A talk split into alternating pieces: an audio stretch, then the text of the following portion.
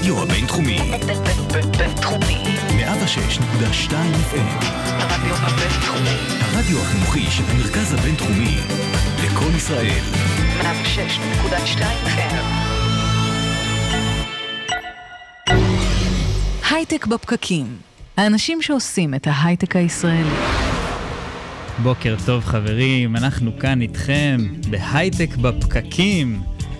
ונמצא איתנו כאן יזהר שי מהצוות שלנו, שהחליט אה, לעזוב את אה, חיי ההייטק ולרוץ לכנסת ברשימת חוסן לישראל. אנחנו ניגשים ישר לעניין, מה אתה חושב?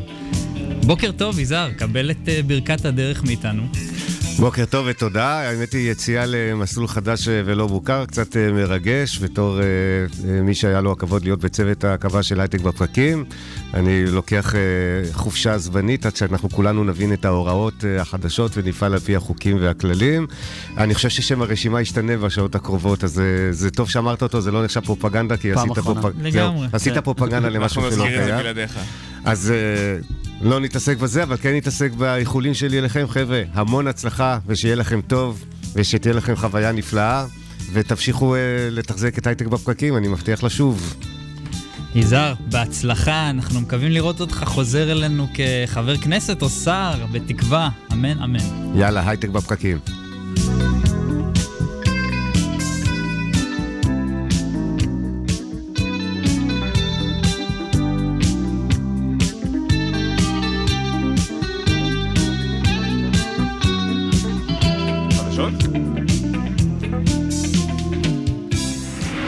חדשות השבוע.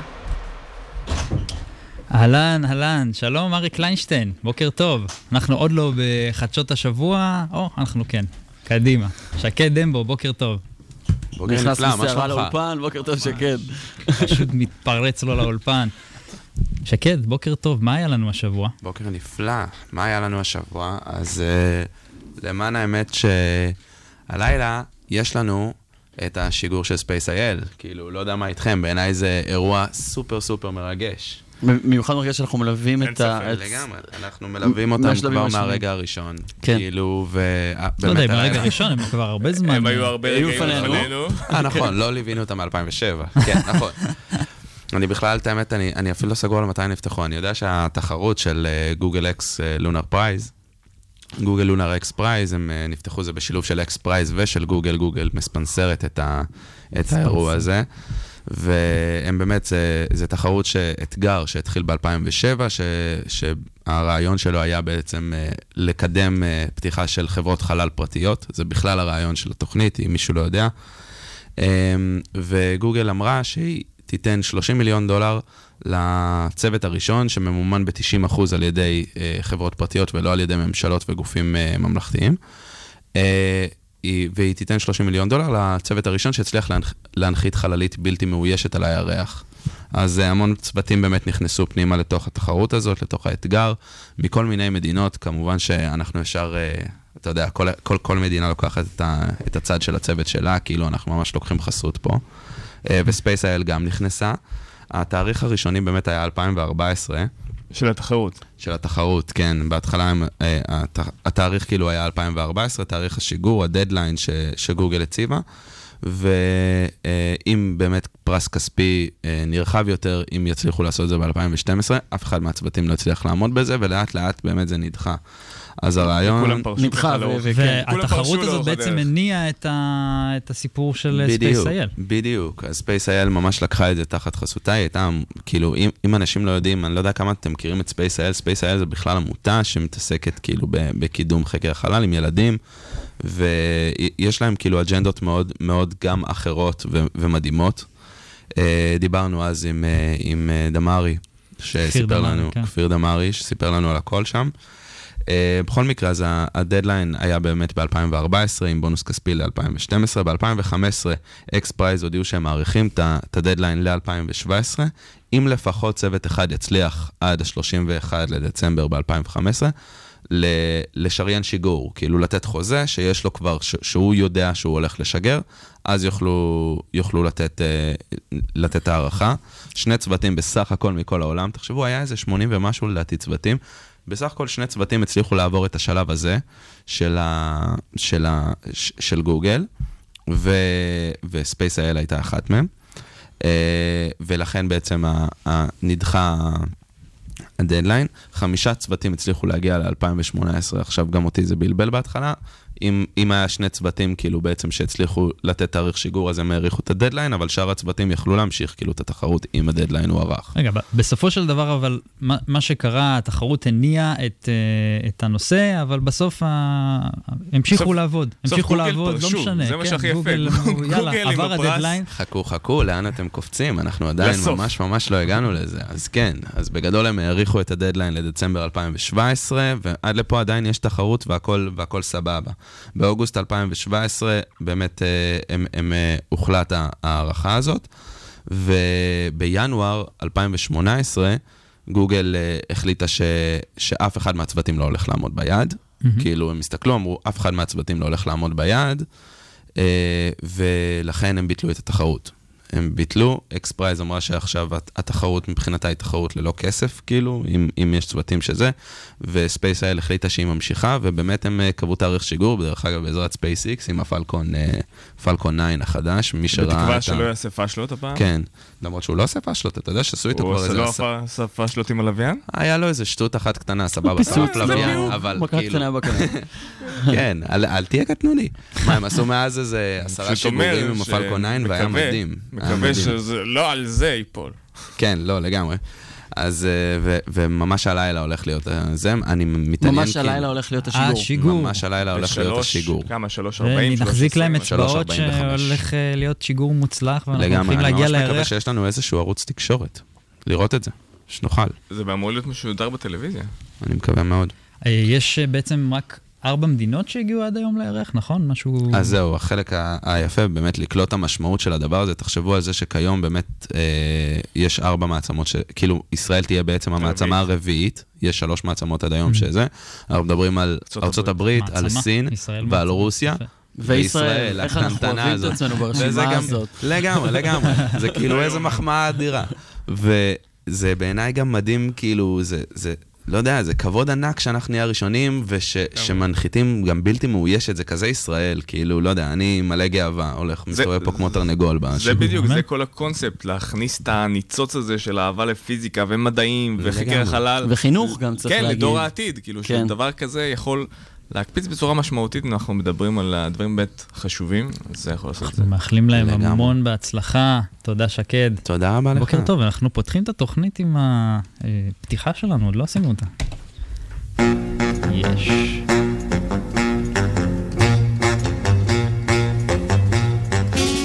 בוקר טוב חברים, אנחנו כאן איתכם בהייטק בפקקים, יום חמישי.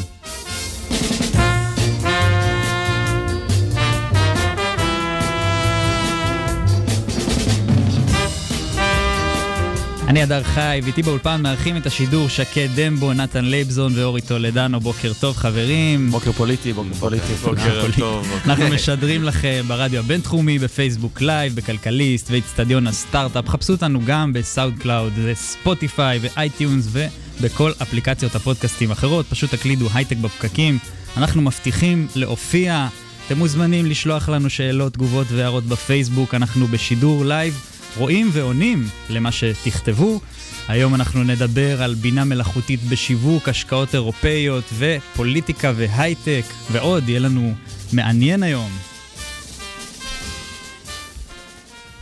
בוקר טוב, אריק. בוקר אור. אז uh, אתה נמצא איתנו כאן uh, באולפן מההתחלה, ואנחנו רוצים לדבר איתך קצת על uh, פוליטיקה והייטק. רגע, בוא, בוא נמשיך לדבר על uh, טיסה לירח, נראה לי הרבה יותר מעניין. אז רגע, אז מה, מה הממשק בין פוליטיקה להייטק? למה זה בכלל צריך לעניין uh, אותנו כאנשי הייטק, מה, מה קורה בפוליטיקה?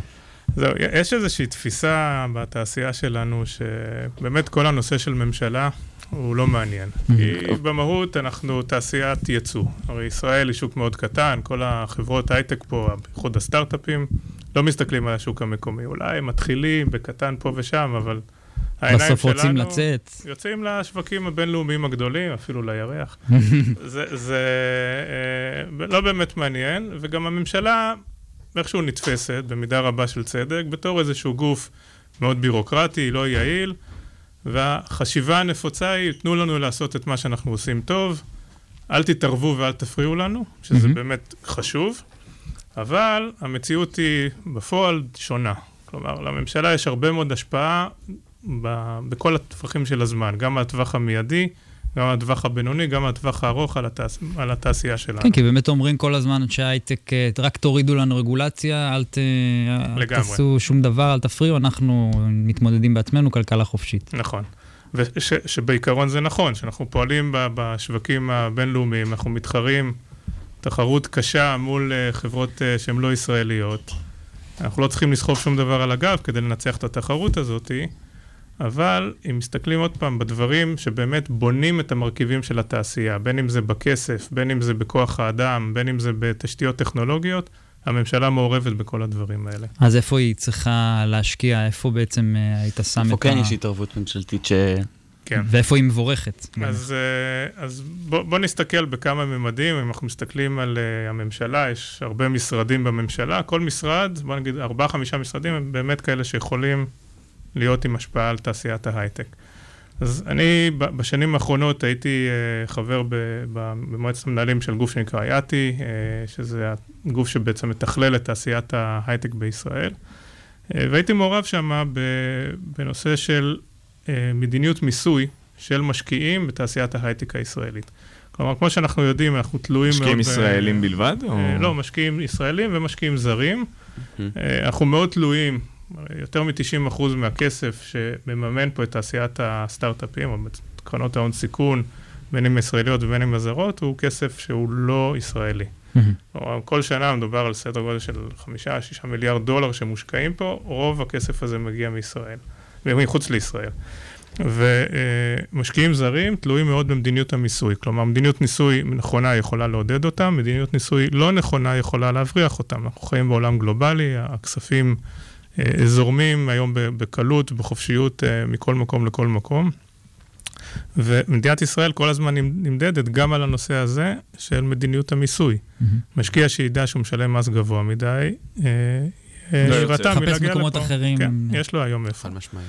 ולכן אה, מדיניות המיסוי שמוכתבת על ידי אה, משרד האוצר, רשות המיסוי, וכמובן החקיקה של הכנסת בעניין, היא דבר מאוד מאוד חשוב. ופה אנחנו דאגנו ומנסים לדאוג, יש עוד דברים שאנחנו לא היינו מרוצים מהם, איך אפשר לוודא שבאמת ישראל שומרת על המעמד התחרותי שלה. אז בעצם אנחנו עכשיו נמצאים בסטטוס של מיסוי שהוא, אני מניח, טוב, כי יש הרבה כן. כספים זרים שנכנסים, המטרה זה פשוט לא לגרום למדינה להעלות את המיסים. אז פה ושם יש גם עיוותים. למשל, אה, אם אני בתור קרן הון סיכון מגייס כסף ממשקיעים מוסדיים ישראלים דווקא, אני נקנס על זה. אני לא אכנס פה לפרטים, אבל היום אה, מדיניות המיסוי היא כזאת שמעודדת אותנו, כקרנות הון סיכון למשל, לא מחו"ל. לגייס אה, בארץ, אלא לגייס מחו"ל. אה, וזה דבר אבסורדי, חבל.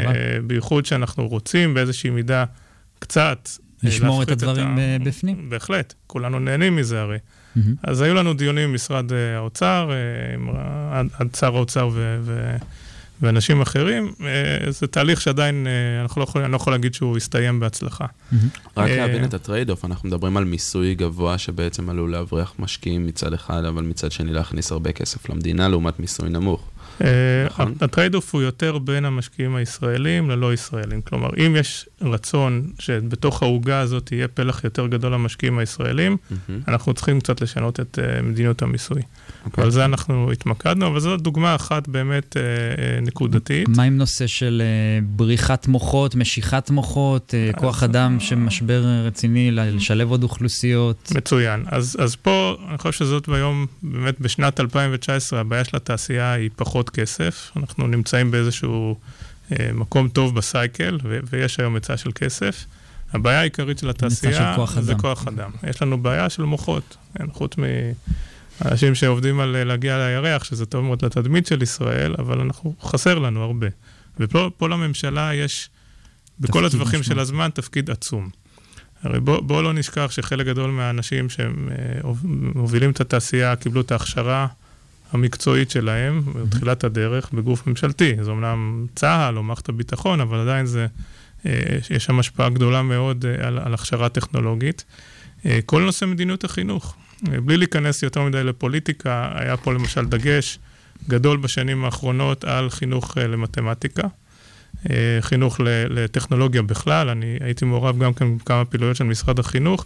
אנחנו צריכים להכין את הדור הבא ולוודא שהתעשייה מקבלת את כוח האדם שהיא צריכה, כי זה כרגע צוואר הבקבוק, ופה משרד החינוך עשה הרבה פעילויות, וזה לא רק במערכת בתי הספר, אלא גם באקדמיה. איך אנחנו מוודאים שיש את כל התקנים והמשאבים שהפקולטות הרלוונטיות להנדסה, למדעי המחשב, למדעים מדויקים מקבלות את כל התקציבים שהם צריכים.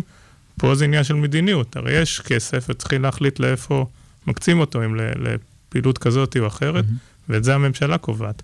אם זה בדרגים של אה, הפוליטיקאים, השרים, או אם בדרגים המקצועיים של, אה, של אה, משרד החינוך. אז חשוב מאוד, אנחנו גם פה אה, אה, מעורבים ו- ואומרים את דעתנו. לשמחתי, פה כן הייתה פתיחות מאוד גדולה.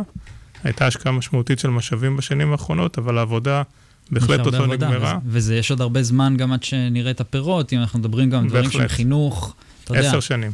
כן. עשר לפחות, שנים. אבל כדי שנגיע לעוד עשר שנים, שיום צריך יבואו ויעברו. עשר נכון, שנים, לא, אנחנו צריך היום צריכים לעבוד. אה, לשתול את הדברים האלה יש לך אולי במקרה דוגמאות ל- למה המשאבים שהושקעו בשנים האחרונות? כן, אז בואו ניתן דוגמה לפרויקט אה, נהדר, שלדעתי משרד החינוך עשה אותו אה, בהובלה של מי שמוביל את החינוך הטכנולוגי, בישראל, דוקטור עופר רימון, אליפות הסייבר הלאומית. יש לנו פה תעשייה מפוארת, צריך כמו כל הזמן לדאוג שאנשים נוספים, מוכשרים, צעירים ייכנסו אליה.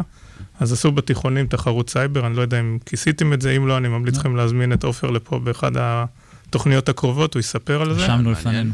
אה, תוכנית מדהימה שהשתתפו בה אלפי בני נוער מכל הארץ. זו תחרות, סוג של red team, blue team שעושים בסייבר, וזה פשוט פרויקט נפלא, כי כבר בכיתה י' או ט' או י"א, חבר'ה צעירים נחשפו לעולם הזה, נותן להם מוטיבציה להמשיך ללמוד, ושהם יסיימו את השירות הצבאי שלהם, גם אלה שלא שירתו בתחום בצה"ל, אז עכשיו כבר מכירים את התעשייה, וזה בדיוק כוח האדם שאנחנו היום מאוד מאוד תלויים בו. האמת שאני ראיתי איזה, יש לי בני דודים קטנים, ראיתי אותם משחקים אה, באיזה משחק אה, מחשב, אה, אנימציה כזאת, שבעצם צריכים לפתור בעיות קוד פשוטות. כדי לנצח במשחק, שזה אני, אוהב, כמה אני הם? מאוד אוהב. בני עם קוד שש מנקי? ושמונה. שש, שמונה. כן, יכול וואו. להיות קוד מנקי, יש מצב. אני לא, לא מכיר. שהיו אצלנו אה, בסרט. היה שם קופים. אצלנו, כן. קוד מנקי. אה, בוקר טוב, שלום. אז כן, כן, אז דברים בסגנון הזה, עכשיו, עוד נקודה, ושאתה הזכרת אותה קודם, זה השילוב בתעשיית ההייטק של אוכלוסיות שהיום הן בייצוג חסר משמעותי. ואנחנו מכירים את הנושא, אני מניח שדיברתם עליו בתוכניות קודמות, זה נושא סופר חשוב.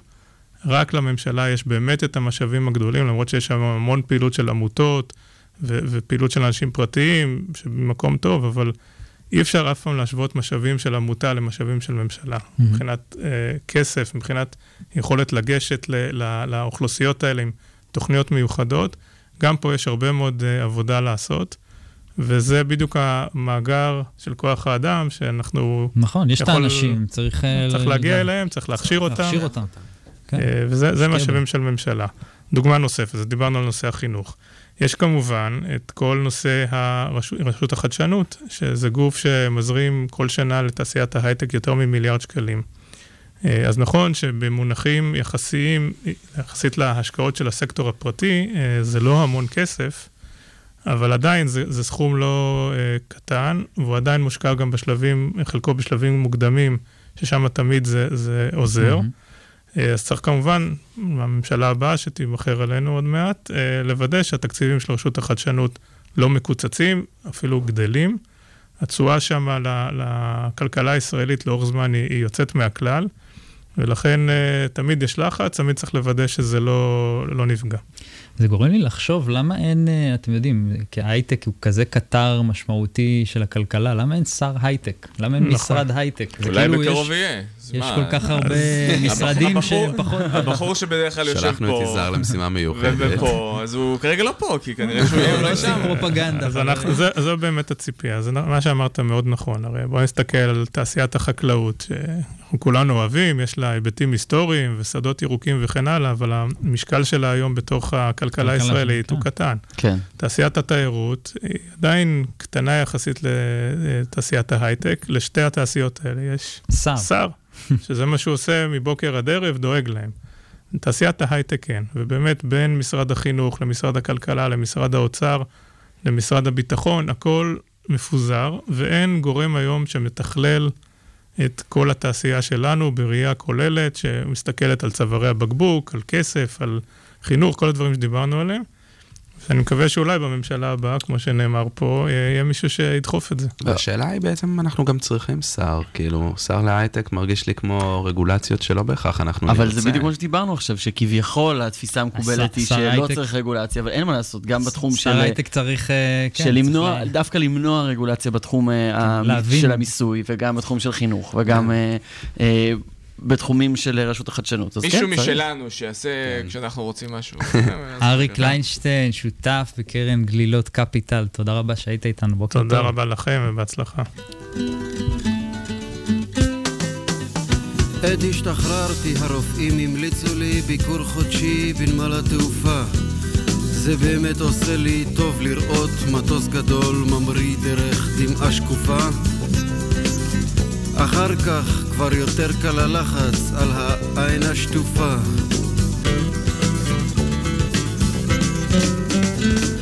לוקח לי אחר הצהריים חיובי, נוסע לנמל לעצמי אני אומר בדרך, גם מזה עוד נצטרך להיגמל.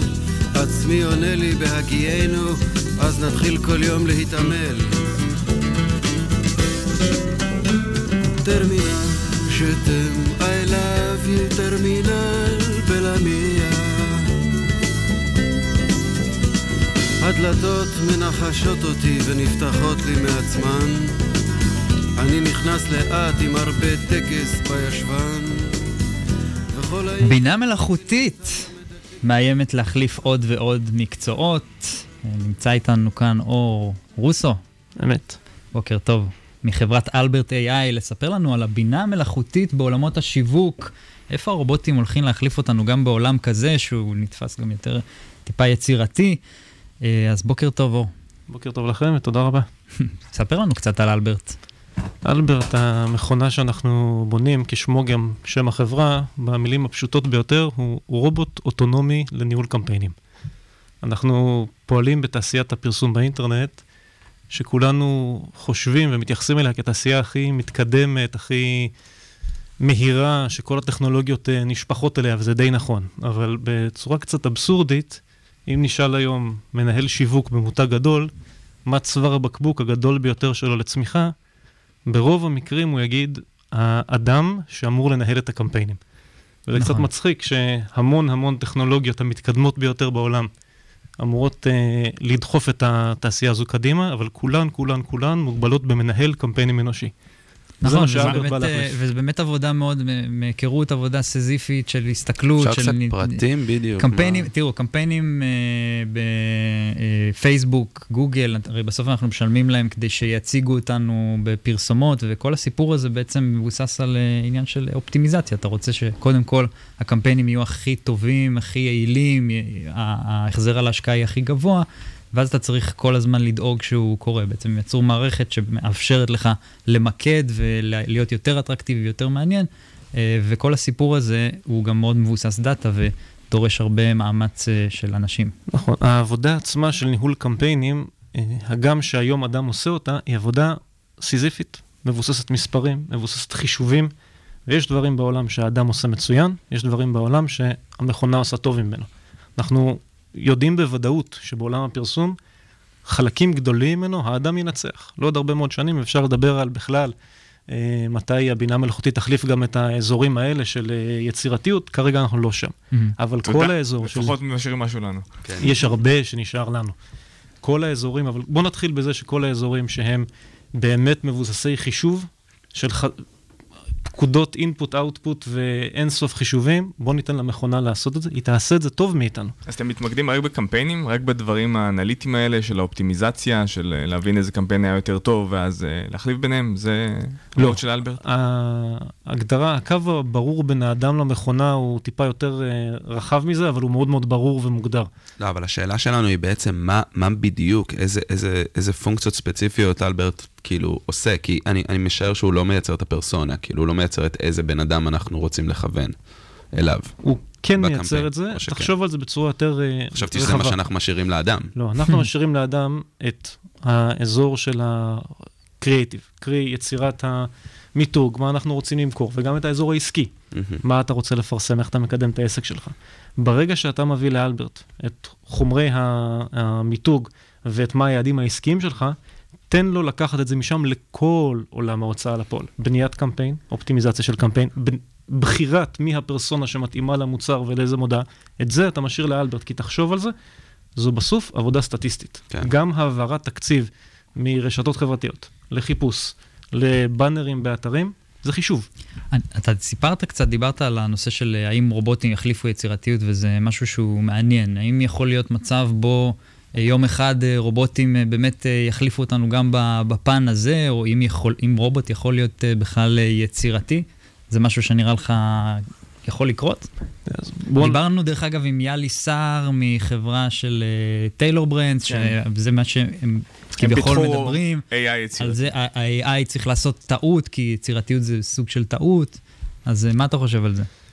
בואו נדבר בכלל על כל עניין הבינה המלאכותית והקצב התקדמות שלו ולאן, ולאן זה הולך וכמה זה מאיים. לדעתי זה לא מאיים. אה, כי אנחנו, האדם הוא מאוד, אה, הוא יודע אה, להתקדם מאוד מאוד מהר ולתת למכונות לעשות דברים שלא מאיימים עליו ונותנים לו יותר נכות, אבל דברים שמפחידים אותה, אנחנו עוצרים את המכונות וזה ייקח כנראה עוד הרבה מאוד זמן. האתגר היום בתחום הבינה המלאכותית הוא לא לפתח איזשהו רובוט גנרי או בינה מלאכותית גנרית שאתה תפתור את כל בעיות העולם ותחליף אותנו, אלא כנראה למצוא פתרונות יישומיים לטכנולוגיות שיש. קרי, בינה מלאכותית אה, ישימה, שהמצאתי את זה כרגע. אז השאלה אם זה בהפוך על הפוך, שאנחנו עכשיו מדברים פה על כביכול מקצועות שהם יותר חדשים, שהתפתחו לאחרונה, וכל כמה שנים צצים מקצועות חדשים, תמיד דיברנו על בינה מלאכותית שתחליף דווקא מקצועות יותר ישנים, כמו ראיית חשבון, אנחנו מדברים על סטטיסטיקה וחישובים, אז שמה, על עריכת דין, של אה, לתת פסקי דין. ודווקא אנשים של, אה, נקרא להם אנשי דור ה-Y או אנשי המילניאלס, שלומדים את המקצועות האלה של האופטימיזציה ולומדים את המקצועות האלה של החישובים והמרקטינג, פתאום אה, יכולים להתחיל לזוז אה, ככה טיפה בכיסא. נכון, אבל תחשוב, זה עניין של אה, התקדמות העולם וקצבים. כמה זמן קיים מקצוע שמנהל קמפיינים באינטרנט? אה, פחות מעשר בערך שנים. מ-2008, לא יודע, 2010. נכון, אז בתעשייה שמתקדמת קצת- כל כך קצת מהר, לפני, קצת 10, 11, 12, 15 שנה, זה כבר מקצוע שהוא מיושן. עכשיו, הסיבה שהוא מיושן, אנחנו נמצאים בתעשייה שמתקדמת בקצבים מסחררים. נתנו לדבר הזה כמה שנים של ניהול קמפיינים ידני. העולם מבין שזה כבר לא מספיק טוב. יש היום מערכות לניהול קמפיינים טיפה יותר אוטומטי, ועכשיו הגיע הזמן למערכות ניהול קמפיינים אוטונומיים שמתנהלים אה, לחלוטין.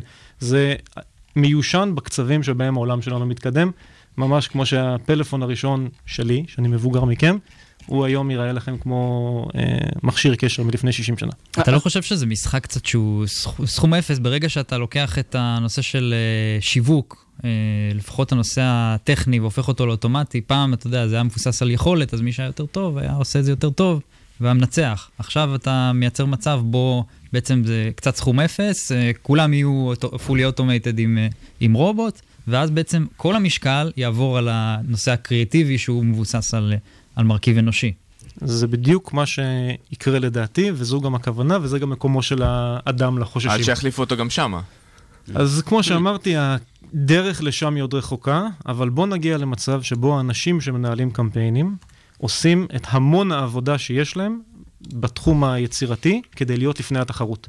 אתה תיתן למכונה לעשות את העבודה הסיזיפית של ניהול קמפיינים ואת תחינת המתמטיקה, ואז תתפנה לחשוב על העסק שלך, לקדם אותו, להיות יצירתי, וככה תנצח בתחרות. זה יפה, כי שאלו אותי השבוע אם, אה, אם למישהו שהוא לא בא מהעולם של ההייטק והקוד והטכני, יש לו בכלל מקום בהייטק. וזה בדיוק, אה, זה לדעתי המגמה הולכת להיות שיש. יותר ויותר אה, מקום בו הכישורים האנושיים והחברתיים, יהיה להם יותר ויותר מקום, ודווקא האנשים הטכניים אה, קצת פחות. אורוסו, תודה רבה. אנחנו חייבים. לסיים. תודה רבה שהיית איתנו, היה מאוד מעניין. בוקר טוב.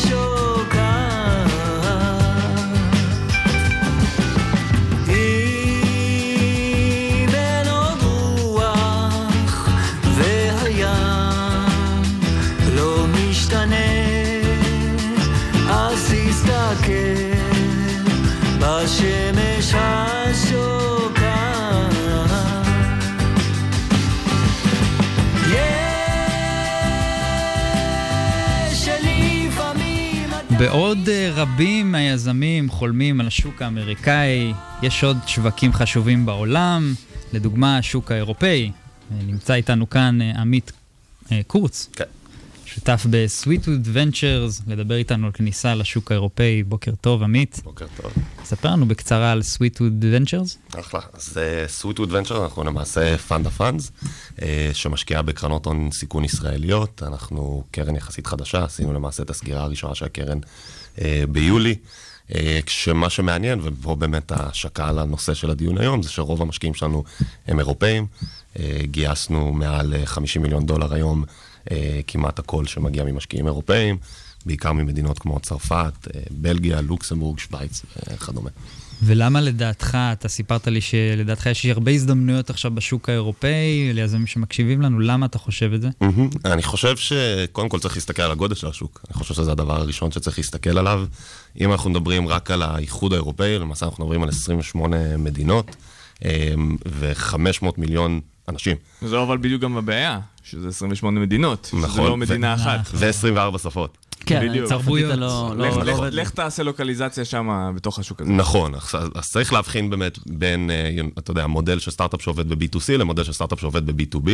אמ, אני חושב שזה באמת הרבה יותר קשה להתרחב B2C בגלל שצריך לעשות אדפטציה אמ, למדינות השונות ולטעמים השונים שקיימים בכל מדינה. אני חושב שב-B2B יש יותר הזדמנויות בכמה סיבות. קודם כל מבחינה רגולטורית, אז האיחוד האירופאי כן עושה המון המון מאמצים לייצר שוק משותף. נכון, זה לא מושלם, נכון, זה עדיין לא שמה, אמ, אבל לאט לאט הם מתקדמים. אם אתה מסתכל בתחומים כמו אה, פיננסים, אז, אז רגולציה כמו מיפיד 2 לדוגמה, שמסדירה למעשה את כל הרגולציה האירופאית של איך בנקים יכולים לפנות ללקוחות אמ, וכדומה, אז זה משהו שמאוד מסדיר את השוק. אם אני נגיד יזם והשתכנעתי ואמרתי, יאללה, נפנה לשוק האירופאי, איפה... איזה מדינות יהו הכי קלאסיות, או הכי ככה מושכות, אה, שאני אתחיל בהן? טוב, זו, זו, זו אני תמיד... נלך על משהו נישתי, או דווקא למדינות החזקות הכלכליות, כמו אנגליה, גרמניה, למרות שאנגליה כבר לא אנגליה זו שאלה. אחרת, כן. לא בטוח שזה אירופה בכלל. כן, אנחנו לא יודעים מה זה היום. יבשת משל עצמה. בדיוק. אה, אני חושב שזה מאוד תלוי, אני חושב שזה מאוד סקטור ספציפיק, מבחינת אה, מה הנישה ומה המדינה שרלוונטית. אני חושב שהיום כשאנחנו רואים... ישראל באמת בשנים האחרונות היא מעצמת אוטומוטיב, אם אתה מדבר על לפתח משהו בתחום האוטומוטיב, אתה חייב להיות בגרמניה. אה, כנראה שאתה בו זמנית תהיה ביפן ובו זמנית תהיה בארצות הברית, אבל גרמניה זה ה-go to market.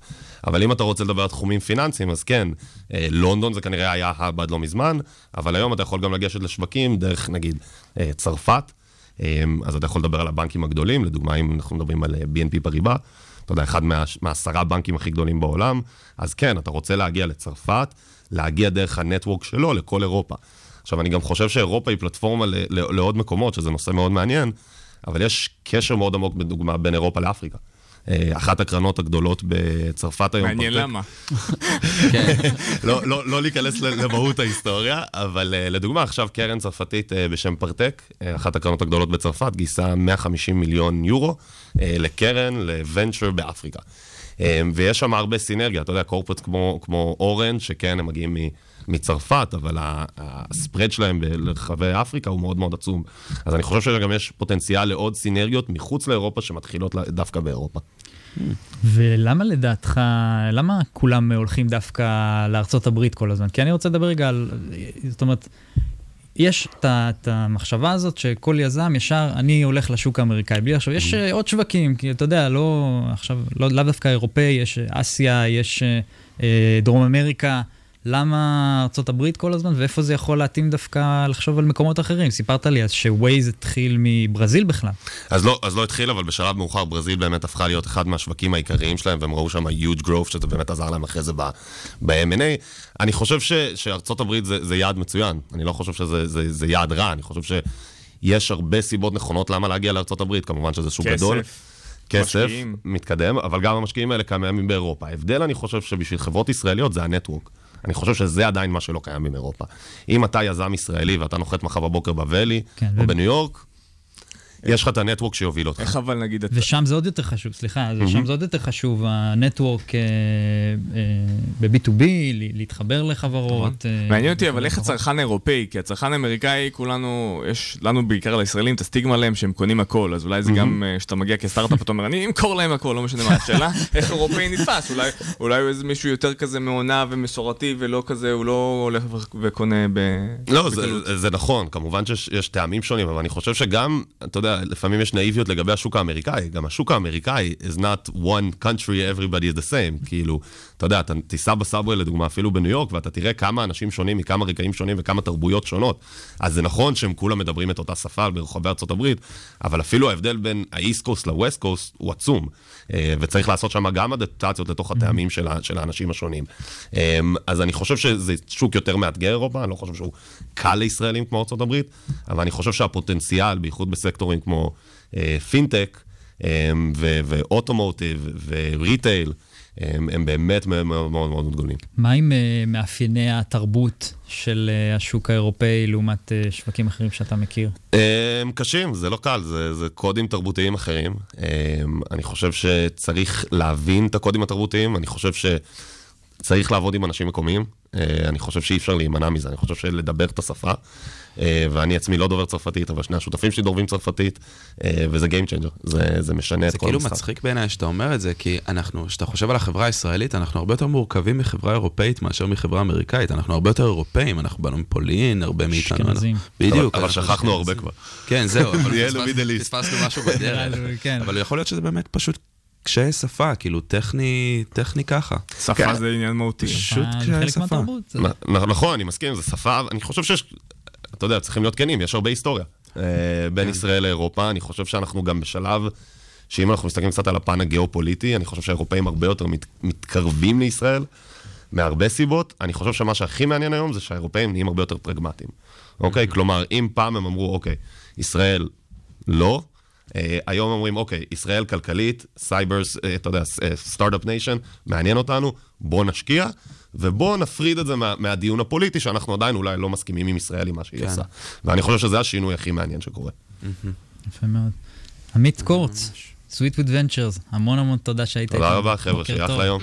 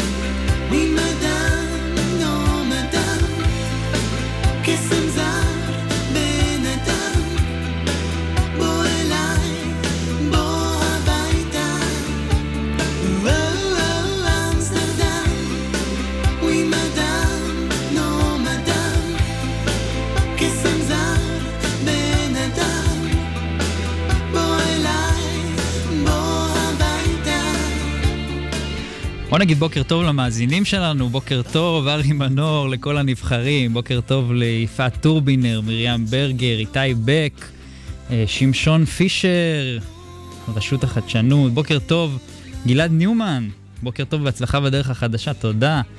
אה, ארי מנור אומר פה על אה, מאמר בבינה המלאכותית, שפרסומות זכו לציון גבוה יותר בהשוואה למודעות שיצרו פרסומאים. בוקר טוב, ארי. דורון שמחי, בוקר טוב. רציתי לשאול אם הדר ונתן בדרך לפוליטיקה, מי יישאר כאן? לא כרגע, לא כרגע. ה- את הטעות הזאת. אז בוקר טוב, חברים.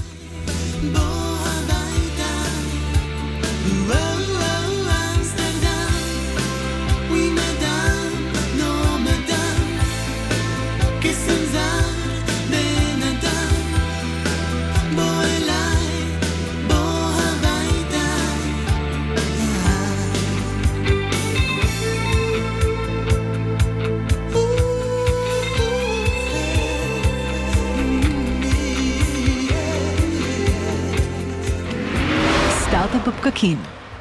אז חברים, יש לכם אה, דירה להשכיר ב-Airbnb?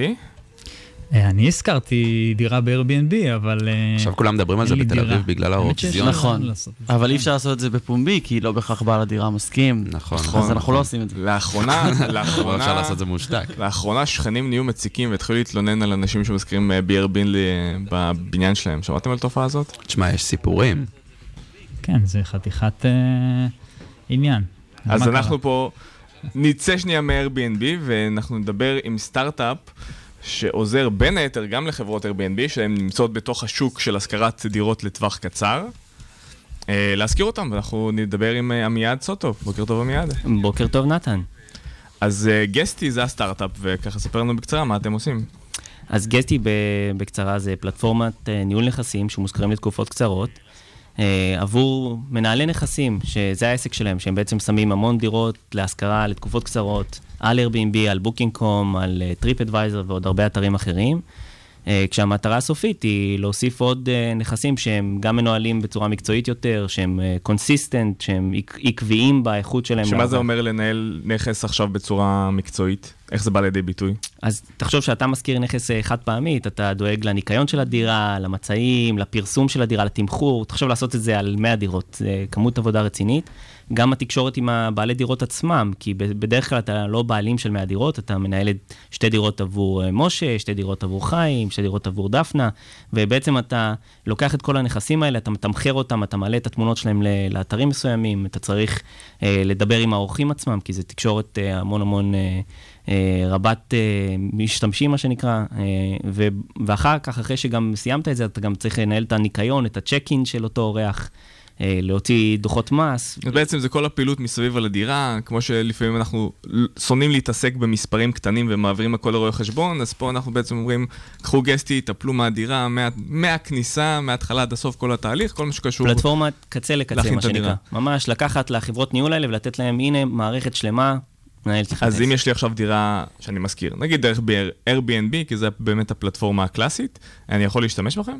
אז אם אתה מנהל נכס אחד, ברוב הסיכויים שזה אה, עסק צדדי כזה עבורך, אתה לא קומיטד לבוא ולהשקיע וללמוד ו- ולהעלות את הכל ולעבוד בזה, אז אתה פחות ה-bread and butter שלנו, יותר אה, יהיו החברות ניהול שעושות את זה מקצועית. אם אתה עכשיו תיקח גם את הדירה של אה, החבר שלך אה, ועוד דירה של השכן שלך, ולאט לאט תגדל לחברה שהיא, זה העסק הממשי שלך, אז יהיה לך ממש סיבה להשתמש יש- בנו. יש הרבה חברות כאלה?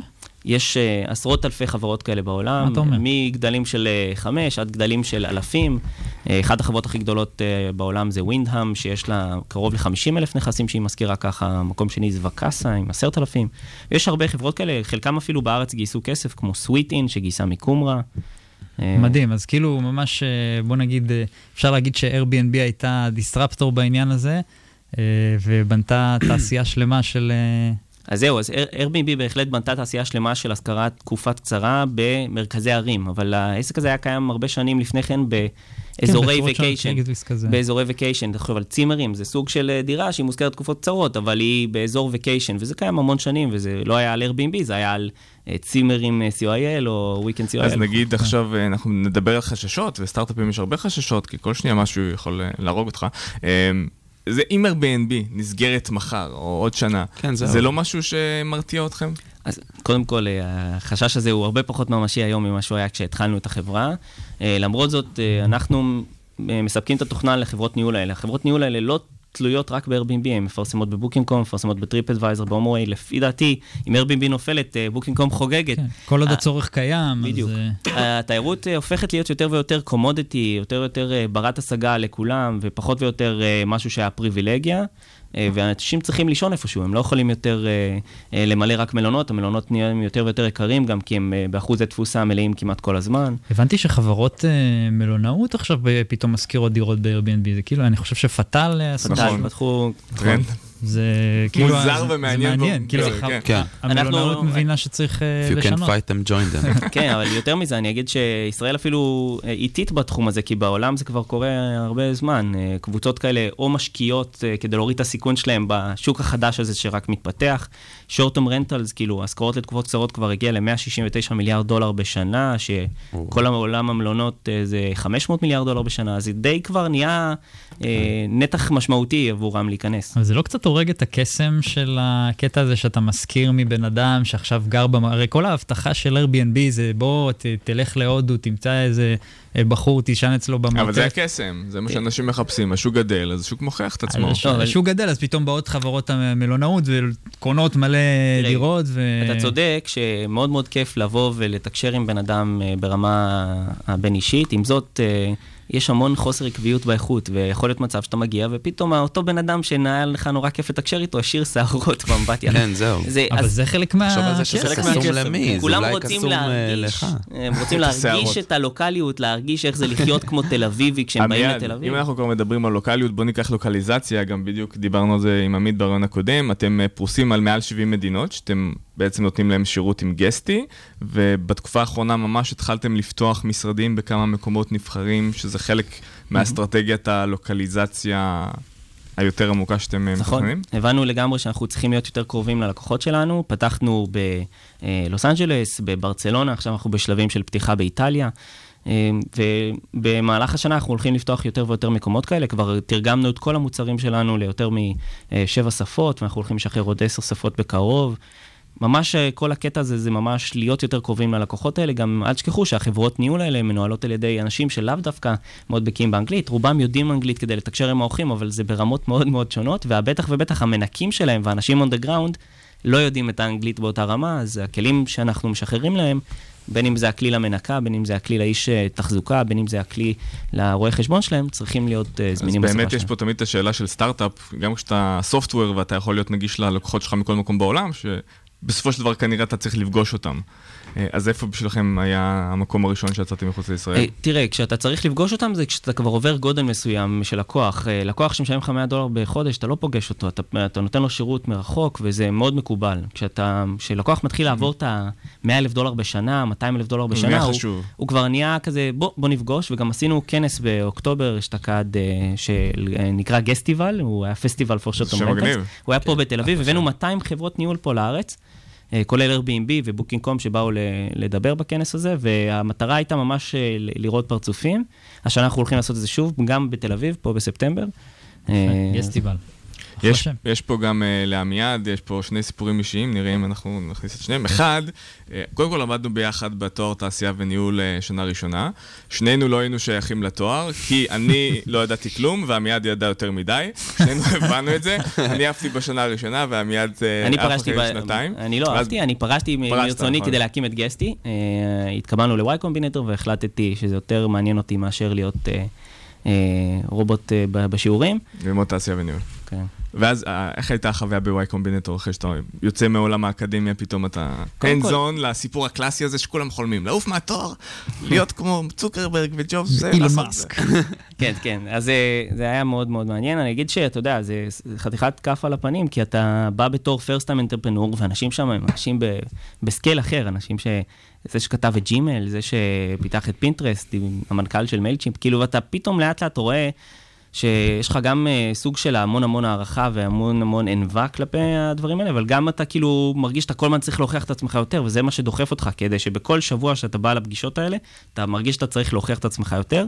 ו- ואין לך רגע לנוח. לפעמים עבדנו מסביב לשעון ב- ב- בקפיצות של חצי שעה שינה. טירונות. דרך אגב, Airbnb היא גם בוגרי Y קומבינטור, נכון? נכון, הם אה, באו שישה למנטר? מחזורים לפנינו. באו למנטר? אז אה, עזר לכם איכשהו הסיפור הזה? אה, פגשנו את הפאונדרים עצמם, אה, המנכ"ל של Airbnb, שהוא פגש אותנו, אמר שאנחנו his favorite founders. אה, אחר כך- אחר כך גם פגשנו אותם. עוזר, עוזר. כך הדברים אמריקאי. להגיד את זה. ממש. אם אתה. מסתכל היום בטוויטר, אחרי ה-80 חשבונות שבריאן צ'סקי, מנכ"ל Airbnb, עוקב אחריהם, אה, גסטי הוא אחד מהם. וואו, כבוד. יפה מאוד. ולסיום, אתם מגייסים עכשיו ועובדים. אנחנו uh, תמיד מגייסים עובדים, בערך אה, בשנה האחרונה גדלנו מ-100 אנשים ל-200, אנחנו כבר עוברים את ה-220 איש בכל אה, המשרדים שלנו בעולם. אנחנו מגייסים גם באנשי פיתוח, אנשי שיווק, אה, אנשי מכירות, אה, כמעט בכל תפקיד. אה, תרגישו חופשי להגיע לאתר שלנו ולבדוק את המשרות. מיד סוטו, מייסד, שותף ומנכ"ל אה, גסטי, תודה רבה שהגעת. תודה שאירחתם אותי.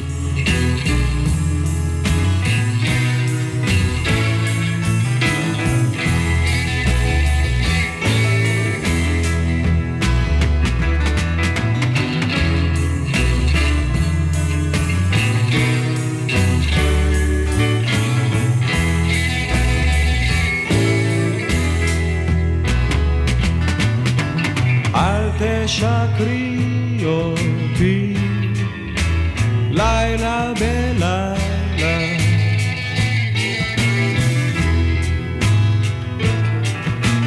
אל תאבדי אותי אל תאבדי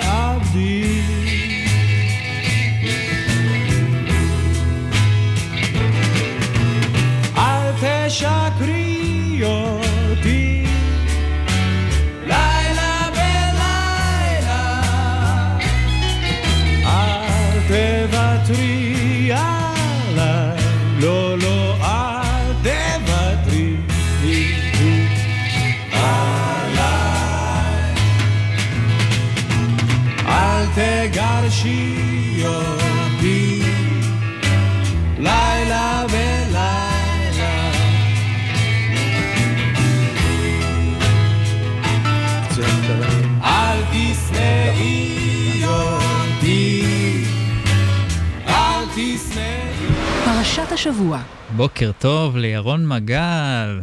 בוקר מצוין. מה קורה איתך, ירון? אה, תמיד יש חידושים, אז uh, אני עוזב את טרה ונצ'ר אחרי. ארבע וחצי לא. שנים. ומצטרף מה זה לפוליטיקה. טוב? מה? לאיזה אה, מפלגה את זה? אני משאיר למישהו אחר אני לא זוכר למי, אבל למישהו אחר. יזהר קוראים לו, כן.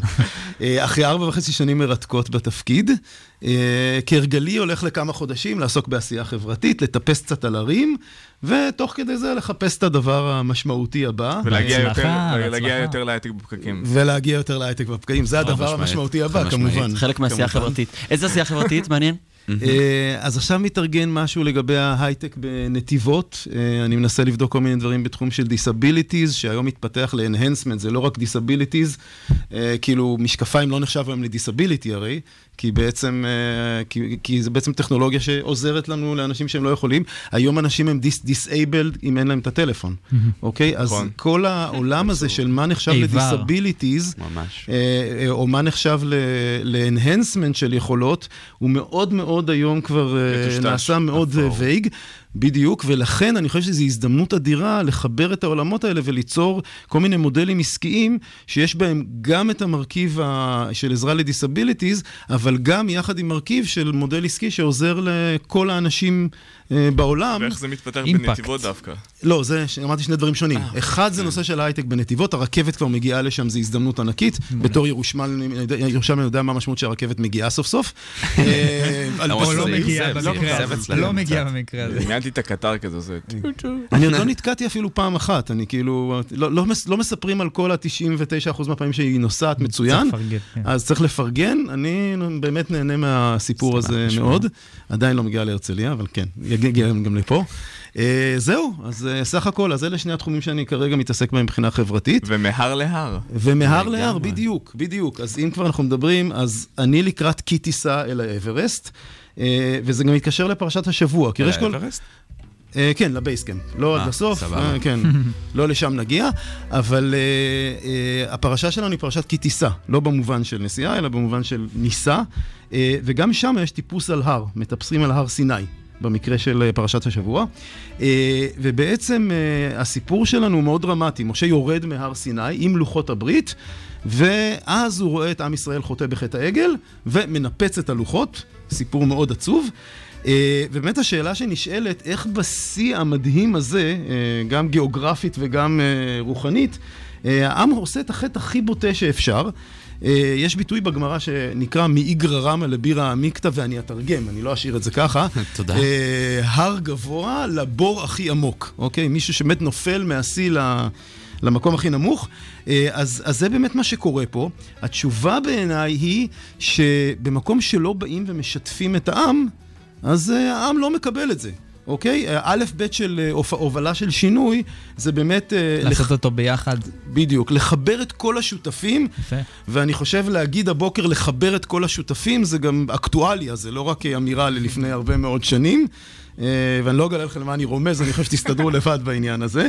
האמת שאחת מהאסטרטגיות של להוביל שינוי בארגונים, אומרים שזה קודם כל לרתום אה, את האנשים, אנשי. המפתח בארגון, לדבר איתם ולהוציא את זה ה... נכנס לכל מקום, גם המתודולוגיות של עבודה של מתכנתים, מתודולוגיות אג'ייל, זה לגמרי על זה גם, כאילו. אם יורשה לי, גם אה, אה, כן. תנ"ך. כן. אז השבוע קראתי גם פוסט של קהילה, אני לא אגיד את שמה, כאילו, לא יודע אם- איך הסיפור הזה, אה, איך הם תופסים אותו, אבל זה גם מדובר על קהילה גדולה שעשתה איזשהו שינוי, והחברים וחברות הקהילה לא אהבו את השינוי. ופשוט אתגרו את המנהלי קהילה שוב ושוב ושוב ושוב, עד שמנהלי מנהלות הקהילה החליטו להקשיב לקהילה ולעשות, להחזיר את השינוי. שינויים עושים ביחד. זה התחבר לי עכשיו. אני, אני, משהו. אני, אני, אני חושב שאחד מהדברים שלמדתי, אני לא יודע כמה, איפה אנחנו בזמן, אה, אחד מהדברים שלמדתי שככל שלקחתי תפקידי ניהול יותר בכירים, אתה מבין יותר את מגבלות הכוח. זאת אומרת, נורא קל להיכנס לחדר ולדפוק על השולחן ולהגיד, החלטתי ככה עושים. אבל אחרי זה, מה קורה בשטח? כל אחד הולך לזון אוף קומפורט שלו ולאמונות שלו ולמה שהוא חושב שנכון, ואתה מגלה שהתחושה הזאת שהנה, אה, אני השגתי את המטרה, היא בכלל לא נכונה. כי בסוף זה פשוט לא קורה, כי כל אחד מוצא איך זה. אם אתה לא עושה את ה-buy-in, אתה לא תגיע לשום שימוש מקום. בכוח הסמכות הוא לא אפקטיבי. נכון, כלל נכון, אתה צריך נכון. להשתמש בכוחות אחרים. היפנוזה. מה זה? היפנוזה. אופציה? זה סוג של היפנוזה, אבל זה לא... נכון. תודיע לי כשתנהל אנשים בהיפנוזה. הצלחת, אני כבר... אז, אז בואו בוא נחזור לענייננו, כי זה באמת הסיפור של מעמד הר סיני, בדיוק הנושא הזה של השיתוף, תכף נגיע לזה, אבל לגבי לוחות הברית, אה, אחרי הסיפור של אה, ניפוץ לוחות הברית, באמת אה, כנראה הוקמה ועדת חקירה, אבל התוצאה שלה, שהמשך הפרשה, הקדוש ברוך הוא שוב אומר למשה, בוא, בוא נעשה ריקאפ. אה, נעשה לוחות נוספים, אבל בלוחות הנוספים, בניגוד לראשונים, בראשונים כתוב ש, שהקדוש ברוך הוא כותב את הלוחות. מעשה אלוקים, מכתב אלוקים, אין שום שיתוף אנושי, אבל בלוחות הבאים, מה שכתוב, אה, כתוב לך את הדברים. נאמר למשה, אתה הולך לכתוב את הדברים, משה כותב את הדברים, ואז כשהוא יורד מהר סיני, אז, אז יש באמת גם את השותפות, את ה engagement, אה, ובדיוק את הדברים שדיברנו עליהם. אה, ועכשיו אה, אני הולך לדבר, אותו דבר קורה במעמד הר סיני, ופה אני הולך לשבור לכם אה, מיתוס אה, מהגן. אוקיי? אני מקווה ש... אני חושב שכמו לכם, לי בגן שולה סיפרו, שהסיפור של מעמד הר סיני, שעם יש- עם ישראל שומע את עשרת הדיברות, ומה הוא עונה? נעשה ונשמע. בינגו. יפה, נעשה ונשמע. לא היה ולא נברא. אה, אבל זה מה שסיפרו לכולנו, אז אני הולך לשבור את המיתוס הזה אם זה בסדר. אז ראש כל מעמד הר סיני עצמו, זה נראה כמו ועידה, ועידה של ה-G20, אוקיי? מקיפים את, ה, את ההר, אה, מרחיקים את כולם, מעגלי אבטחה. זה ממש לא מקום, ואז יורד הכ- הכל מההר כמו מסכים גדולים, אמן? מסכים גדולים ש, שמשמיעים את הקולות. חבר'ה, במעמד הזה לא אומרים נעשה ונשמע, אין מצב של נעשה ונשמע. איפה כן אה, נאמר אה, נעשה ונשמע? בפרשה שאחרי זה יש מאחורי הקלעים, מאחורי הקלעים באמת משה יורד מהעם, אוסף את זקני העם, אוקיי? את נבחרי הציבור, היום מגישים את הרשימות, אוקיי? אני לא מנסה לקרוא ליזהר או למישהו אחר זקן, למי שנמצא ברשימות, זקן זה מי שקנה חוכמה, אה, אז יש פה הרבה חוכמה, ואז... אוקיי, ואחרי זה אה, אה, הולכים לבקש את אמון העם, אחרי שהוא משכנע את הזקני העם, את הצוות המוביל, אוקיי? אז באמת הוא הולך לשכנע גם את כל העם, לא ב-9 באפריל, כי עוד לא היה 9 באפריל אז. אה, אז באמת המסקנה בשבילנו היא באמת אה, שנלמד לשתף תמיד ולהביא את כל השותפים ביחד, ועל ידי זה נוכל לכבוש את הרבה מאוד הרים. אברסט, סיני, סקי, הייטק, הכל ביחד. שנכבוש את כל הערים, אמן. וירון, אתה. תלך תכבוש את הערים הבאים כמו שכבשת שלך. אותנו, בהצלחה. כבשת אותנו. טוב חברים, אנחנו מתקרבים לסיום, תודה לכם. נתן לייבזון, אורי טולדנו, שקד דמבו, שהייתם איתי באולפן. תודה לך. מפיקים את השידור, אורטל הבר, ניצן גל וקרין רביב, מפיק הדיגיטל שקד דמבו, מפיק מוזיקלי אורי טולדנו, תודה ליזהר שי, הפוליטיקאי הטרי, תודה לכלכליסט ולרדיו הבינתחומי על שיתוף הפעולה. תודה לכם שהאזנתם לנו בפקקים, במשרד או בבית, צאו בזהירות אם לא הגעתם למשרד. תודה לכל האורחים שלנו. אנחנו היינו הייטק בפקקים, נתראה בשבוע הבא.